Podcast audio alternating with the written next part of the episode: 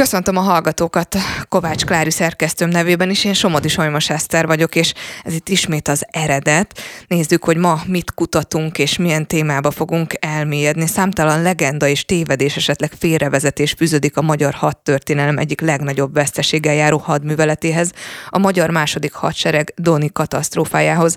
Nemrég volt a Doni Hősök emléknapja, ez alkalomból beszélgetünk a tényekről vendégemmel, Babucs Zoltánnal, a Magyarságkutató Intézet történeti Kutatóközpontjának ügyvívő szakértőjével. Köszöntöm itt nálunk a Spirit fm -en. Én is köszöntöm a kedves rádióhallgatókat, jó reggelt kívánok! Mielőtt rátérnénk a, a témánkra, szeretném megkérdezni, hogy hogyan került kapcsolatba az intézettel, és miért pont ezt a témát kutatja? Az a helyzet, hogy a, én amióta elvégeztem a középiskolát, gyakorlatilag azóta foglalkozom a magyar hadtörténelemnek a kérdéseivel, és az egyetem elvégzését követően a Hat Történeti Intézet is múzeumban dolgoztam húzamosabb ideig, és 2019-ben jött a lehetőség, hogy a Magyarságkutató Intézetbe át lehessen igazolni.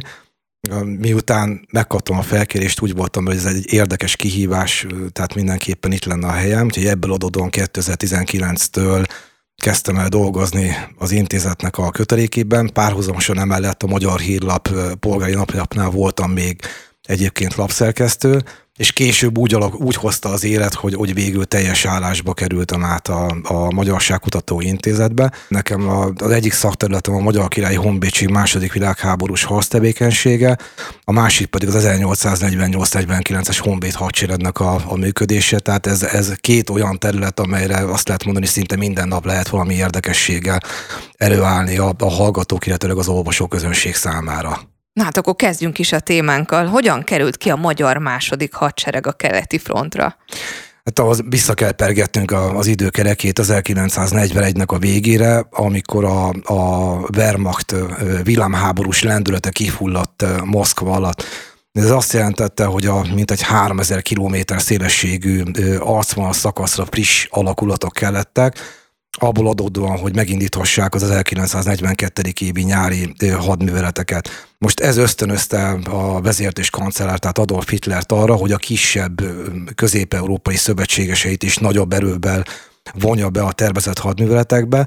Így először 1941 legvégén levélben kereste meg a kormányzót, ugye a Vitéz Nagybányai Horti Miklóst, amelyben Magyarország segítséget kérte a következő évi nagy nyári offenzívához.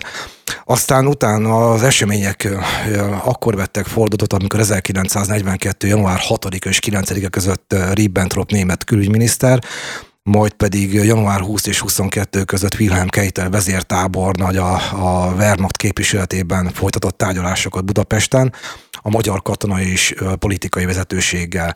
Itt a tárgyalásokról annyit érdemes tudni, hogy a német fél nem kevesebbet, mint a teljes magyar haderőt követelte, hogy az, azt vonjuk be a tervezett hadműveletekbe, ami azt jelentette, hogy több mint félmillió honvédnek kellett volna kivonulni a, a keleti frontra.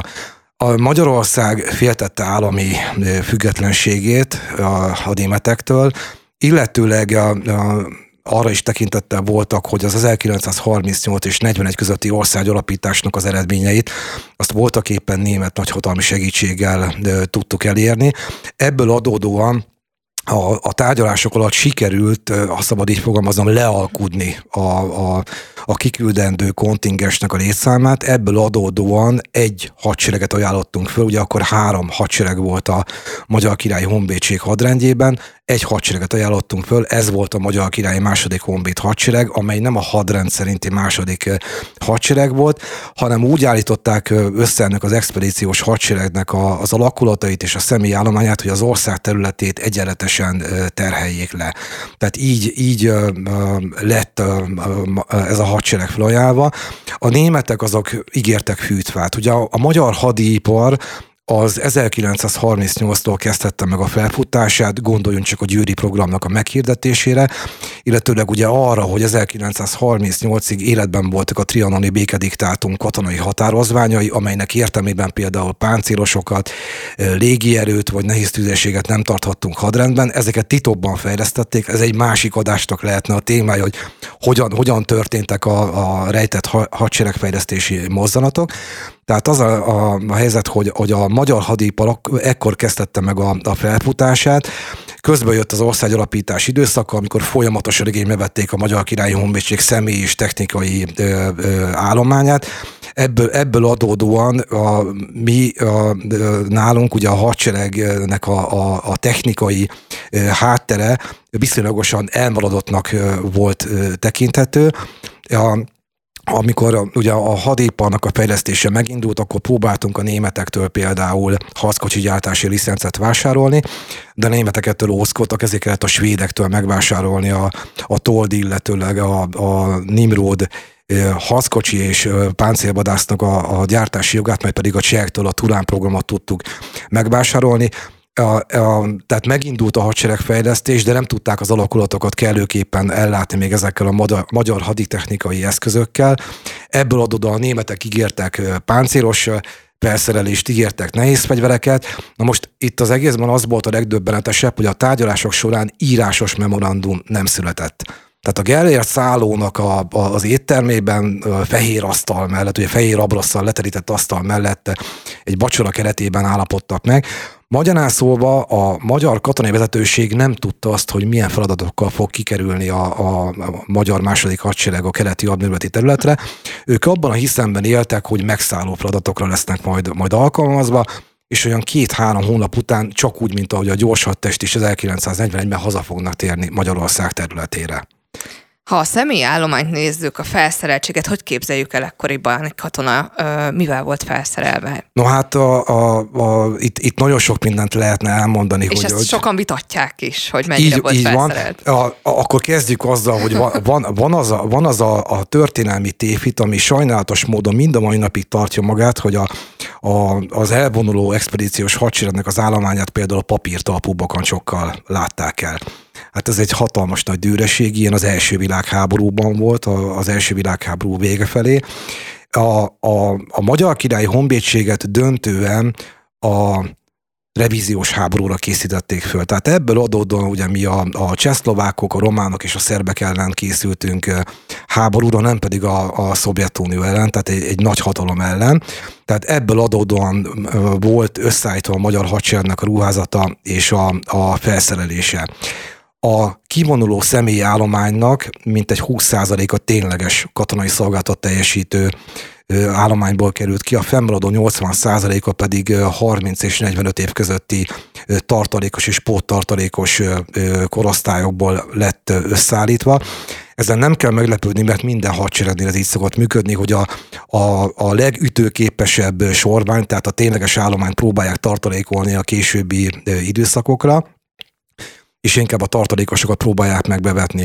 Az elvonuló hadseregnek a, a létszáma mintegy 207 ezer fő volt, tehát ennyi volt az élelmezési létszáma.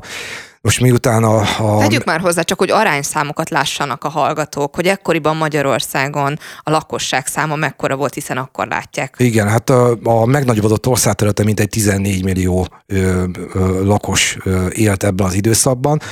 Ugye a, a lakosságnak a, a létszámát tekintve megnézzük, akkor mintegy 20% nemzetiségi volt, aki nem beszélte a magyar nyelvet, ezért az elvonuló hadsereget is úgy állították össze, hogy ennek a 20%-a nemzetiségi állományból került ki. Ezeket az embereket általában vonatalakulatokhoz, vagy pedig ellátó alakulatokhoz osztották be, nem pedig az első vonalba, de nem nagyon bírták a magyar nyelvet, ami, ami ugye azért volt sajnálatos, mert, mert nehezebb volt a kommunikáció odakint a, a hadműveleti területen. Visszatérve még a létszámadatokra, az elvonuló hadsereg állományában 7000 tiszt volt.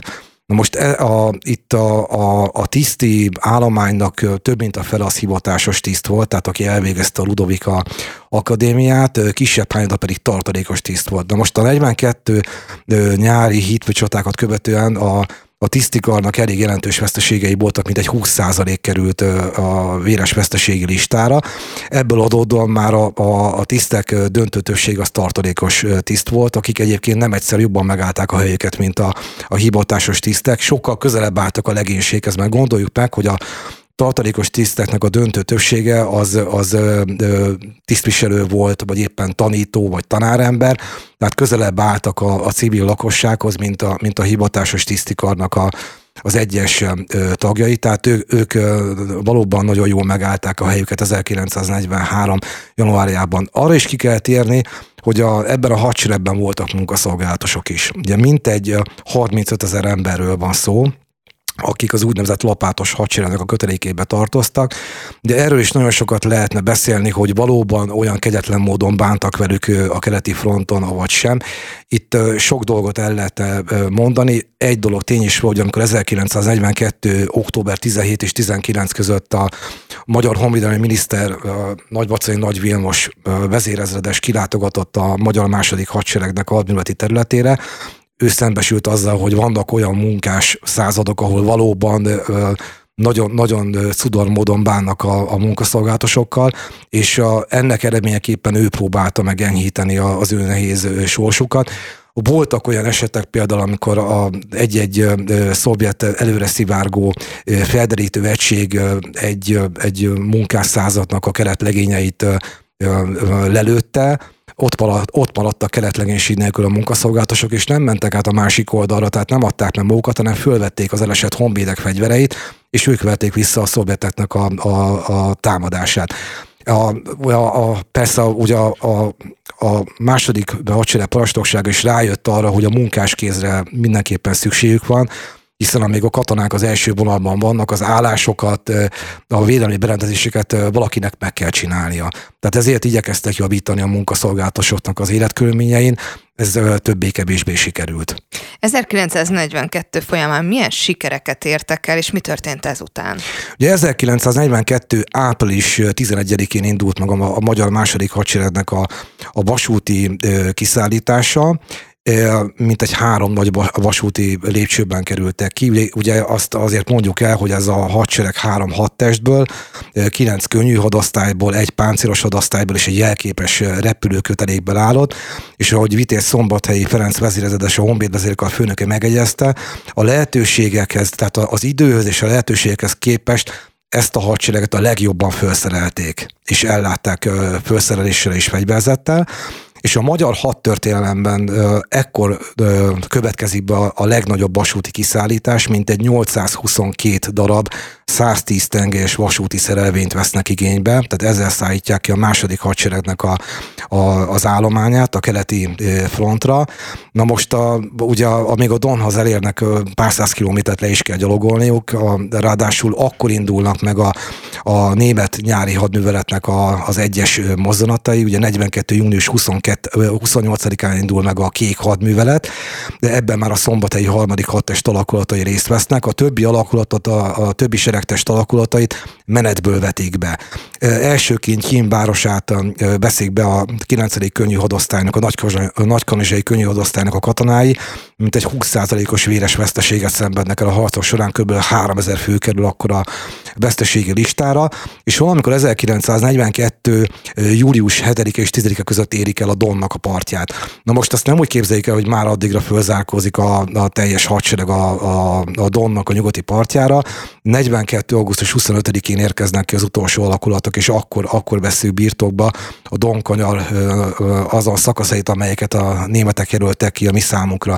Ugye a támadás során a balszányon helyezkedett el a, a magyar második hadsereg, de tudjuk azt, hogy a kaukázusi kőolajmezők felé törekedtek a németek, és menet közben um, találták ki azt, hogy akkor Stalingrádot is be kell venni, ugye ott, ott csúcsosodott ki aztán az 1942. évi nagy nyári támadás, és nálunk ugye a, tehát ezen a bizonyos balszányon, amely a német B hadseregcsoportnak az alárendeltségébe tartozott, nem csak magyar, magyar honvédek voltak, hanem ott volt a román harmadik és negyedik hadsereg, az olasz nyolcadik hadsereg, tehát más államok expedíciós hadserege is részt vettek ebben a támadásban. Volt ennek logikája, hogy ki melyik részszám volt? Tehát, hogy mi például miért pont ott a románokkal együtt? A, a németek tisztában voltak azzal méghozzá elég tökéletesen, hogy, hogy a magyar hadsereg milyen felszereléssel rendelkezik, tehát ebből adódóan nem a támadásnak a súlypontjára helyezték a magyar második hadsereget, csak úgy, mint a románokat és az oroszokat, hanem a, a, a, szárgyakon próbálták ugye őket elhelyezni, mi így kerültünk a, a balszányra, tehát nálunk voltak éppen a folyam megfigyelés, a folyamvédelem volt a feladat. De ezen túlmenve, hogy milyen sikereket értünk el, ugye a Donnak az innenső partján három ö, ö, hagytak vissza a szovjet csapatok, ugye Uriv Sztorozsevoje, Korotolyak és Csúcsia Perejes haja, itt voltak a nagy nyári hídfő csaták, a, amelynek során végül is csak a, a Korotolyaki hídfőt sikerült felszámolni 1942. szeptember harmadikára, beállt a hadműveleti szünet, és ezt követően mind a két fél az állások erősítésére törekedett. Itthon leállították a második hadseregnek az utánpótlását, méghozzá azért, mert román-magyar határháború veszélye fenyegetett. Ugye a románokkal nem voltunk túlzottan jó viszonyban, ezért ugye Kálai Miklós miniszterelnök és a, a Honvéd vezérkar úgy volt, hogy innentől kezdve tartalékolják azt, amit, amit kibittek maguk a keleti frontra. A maradék hadianyagot pedig az itthon lévő két hadsereg számára kell visszatartani. Ebből adódóan gondolhatták úgy a második hadsereg katonái, hogy magukra hagyták őket. Holott a valóságban a hátország nem peletkezett meg róluk, gyűjtéseket szerveztek a számukra. Gondoljuk meg, hogy téli ruhaneműket, tehát ö, bundát, őrbotost, sapkát, sálat, ilyeneket gyűjtöttek a honvédek számára, cigarettát, alkoholt, pénzadományokat, amelyet nem csak a honvédek, hanem az itthon maradt hozzátartozók is ö, megkaptak. Tehát így köszöntött be 1943. januárja, de 1942 karácsonyát még meg tudták ünnepelni a, a Don partján, a tábori színház szórakoztatta például a, a pihenőben lévő katonákat, gondoljuk csak meg, hogy, hogy Dajka Margit, Kismanyi, fiatal színésznők, vagy éppenséggel Rajzi János, vagy Tompa, Pufi Sándor színművészek szórakoztatták a honvédeket is próbálták felettetni a hátországnak a távolságát. A honvédetnek a döntő többség egyébként, hogyha elébe menve a kérdésnek, nagyon jól tudták, hogy mit keresnek a Dompartján. Ha megnézzük a korabeli tábori levelező lapokat, ennek, ezekből mind kiderül az, hogy, hogy tudták azt, hogy milyen az úgynevezett szovjet paradicsom és a döntő többség úgy az, olyan sorokat írt haza, hogy csak az Isten mentse meg bennünket attól, hogy a, hogy a szovjet paradicsom eljöjjön Magyarország területére. Ez aztán két évvel később, ugye 1944-45-ben be is következett. De akkor nézzük, hogyan zajlott le a szovjetek Doni áttörése. Ugye ez a Stalingrádi hadműveleteknek az időszaka, itt nem menjünk bele abba, hogy melyik hadsereg hogy, mint ö, ö, nyomult Stalingrád térségében, de a szovjetek rájöttek arra, hogy a, hogy a, a, a gyengébb német szövetségi, szövetségeseknek a, az arcvonalait kell feltörni, ebből adódóan már 42. decemberében az olasz 8. hadseregnek az állásait átszakították, tehát tőlünk délre, és már amikor, amikor megindulnak a Stalingradi bekerült hadműveletek 42. november 19-ét követően, akkor már a szovjet 40. hadsereg arra készül, hogy a magyar második hadsereggel szemben a, támadást előkészítse. Így például Zsukov, Stálinnak a helyettese is ellátogat erre az Acman szakaszra, megszemeli a Uriv Sztorozsevolyai hídfőt, és kiadja a parancsot, hogy akkor elvtársak föl kell készülni a támadásra.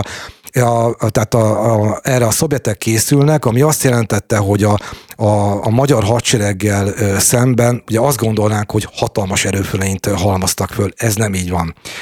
43. január 12-én, amikor megindul a bevezető támadások ugye Úrívnál, akkor a magyar második hadseregnek mintegy 196 ezer fő az élelmezési létszáma, velük szemben a szovjet 40. hadsereg 117 ezer katonával indította meg a támadást.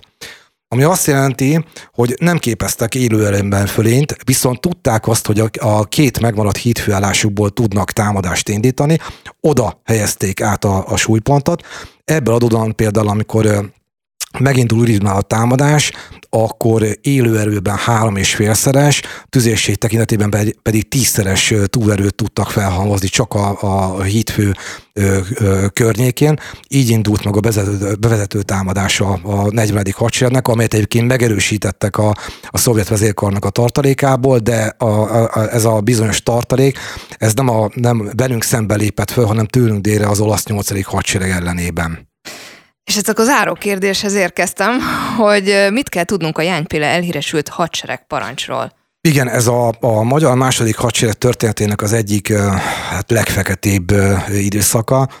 Jániról ugye azt kell tudni, hogy ő egy ízigvéri katonaember volt, feltétlen kormányzó hű tábornok hírében, tehát ő volt a legalkalmasabb ember erre a, a feladatra, hogy a magyar második hadsereg parancsnoka legyen Vitészségnek nem volt hiány, hiszen 1942 nyarán meg is sebesült egyébként az első vonalban, de ami lényeges, a, a január 24-i hadseregparancs nagyon, nagyon rossz körülmények között született. Jáni ekkor azt lehet mondani, hogy idegösszeroppanást kapott, ugyanis két malomkő között örlődött. Egyrészt a feltétlen engedelmesség, amit megköveteltek tőle a magyar és a német hadvezetés részéről, a másik pedig a csapatainak a feltétlen megóvása. Na most látta azt, hogy, hogy a, a, a, igaz, hogy áttörték a hadseregnek a védelmi vonalát, de a honvédek mégis keményen helytállnak, dacára mínusz 4 Celsius fokos hidegnek, dacára adnak, hogy, hogy nem rendelkeznek elegendő páncélelhárító, illetőleg nehéz fegyverzettel, viszont azt is látta, hogy vannak olyan alakulatok, amelyek megfutnak, tehát pánikba esnek és megfutnak, és ez, ez, ez, a, ez, a, ez a, a, a, a benyomás volt az, amely, amely Jánit arra ösztönözte, hogy megfogalmaz ezt a szerencsétlen hadseregparancsot, amelyel gyakorlatilag arcú csapta azokat, akik, akik derekas módon megállták a helyeket a visszavonulás során. Tegyük azt hozzá, hogy Jáni nem ment a saját feje után, mert a harcászati szabályzat értelmében járt el, amelynek értelmében a hadra kelt sereg parancsnoka minden eszközt meg kellett, hogy ragadjon arra, hogy a hadsereg fegyelmét és egységét fenntartsa. Tehát ezek, ezek nem voltak ilyen légből kapott dolgok, amelyeket ő leírt, tehát ez, ez egy korabeli eljárás volt az ő részéről is. Az egy más dolog, hogy később megbánta, miután látta azt, hogy valóban helytállnak a, a honvédek, Ebből adódóan 43.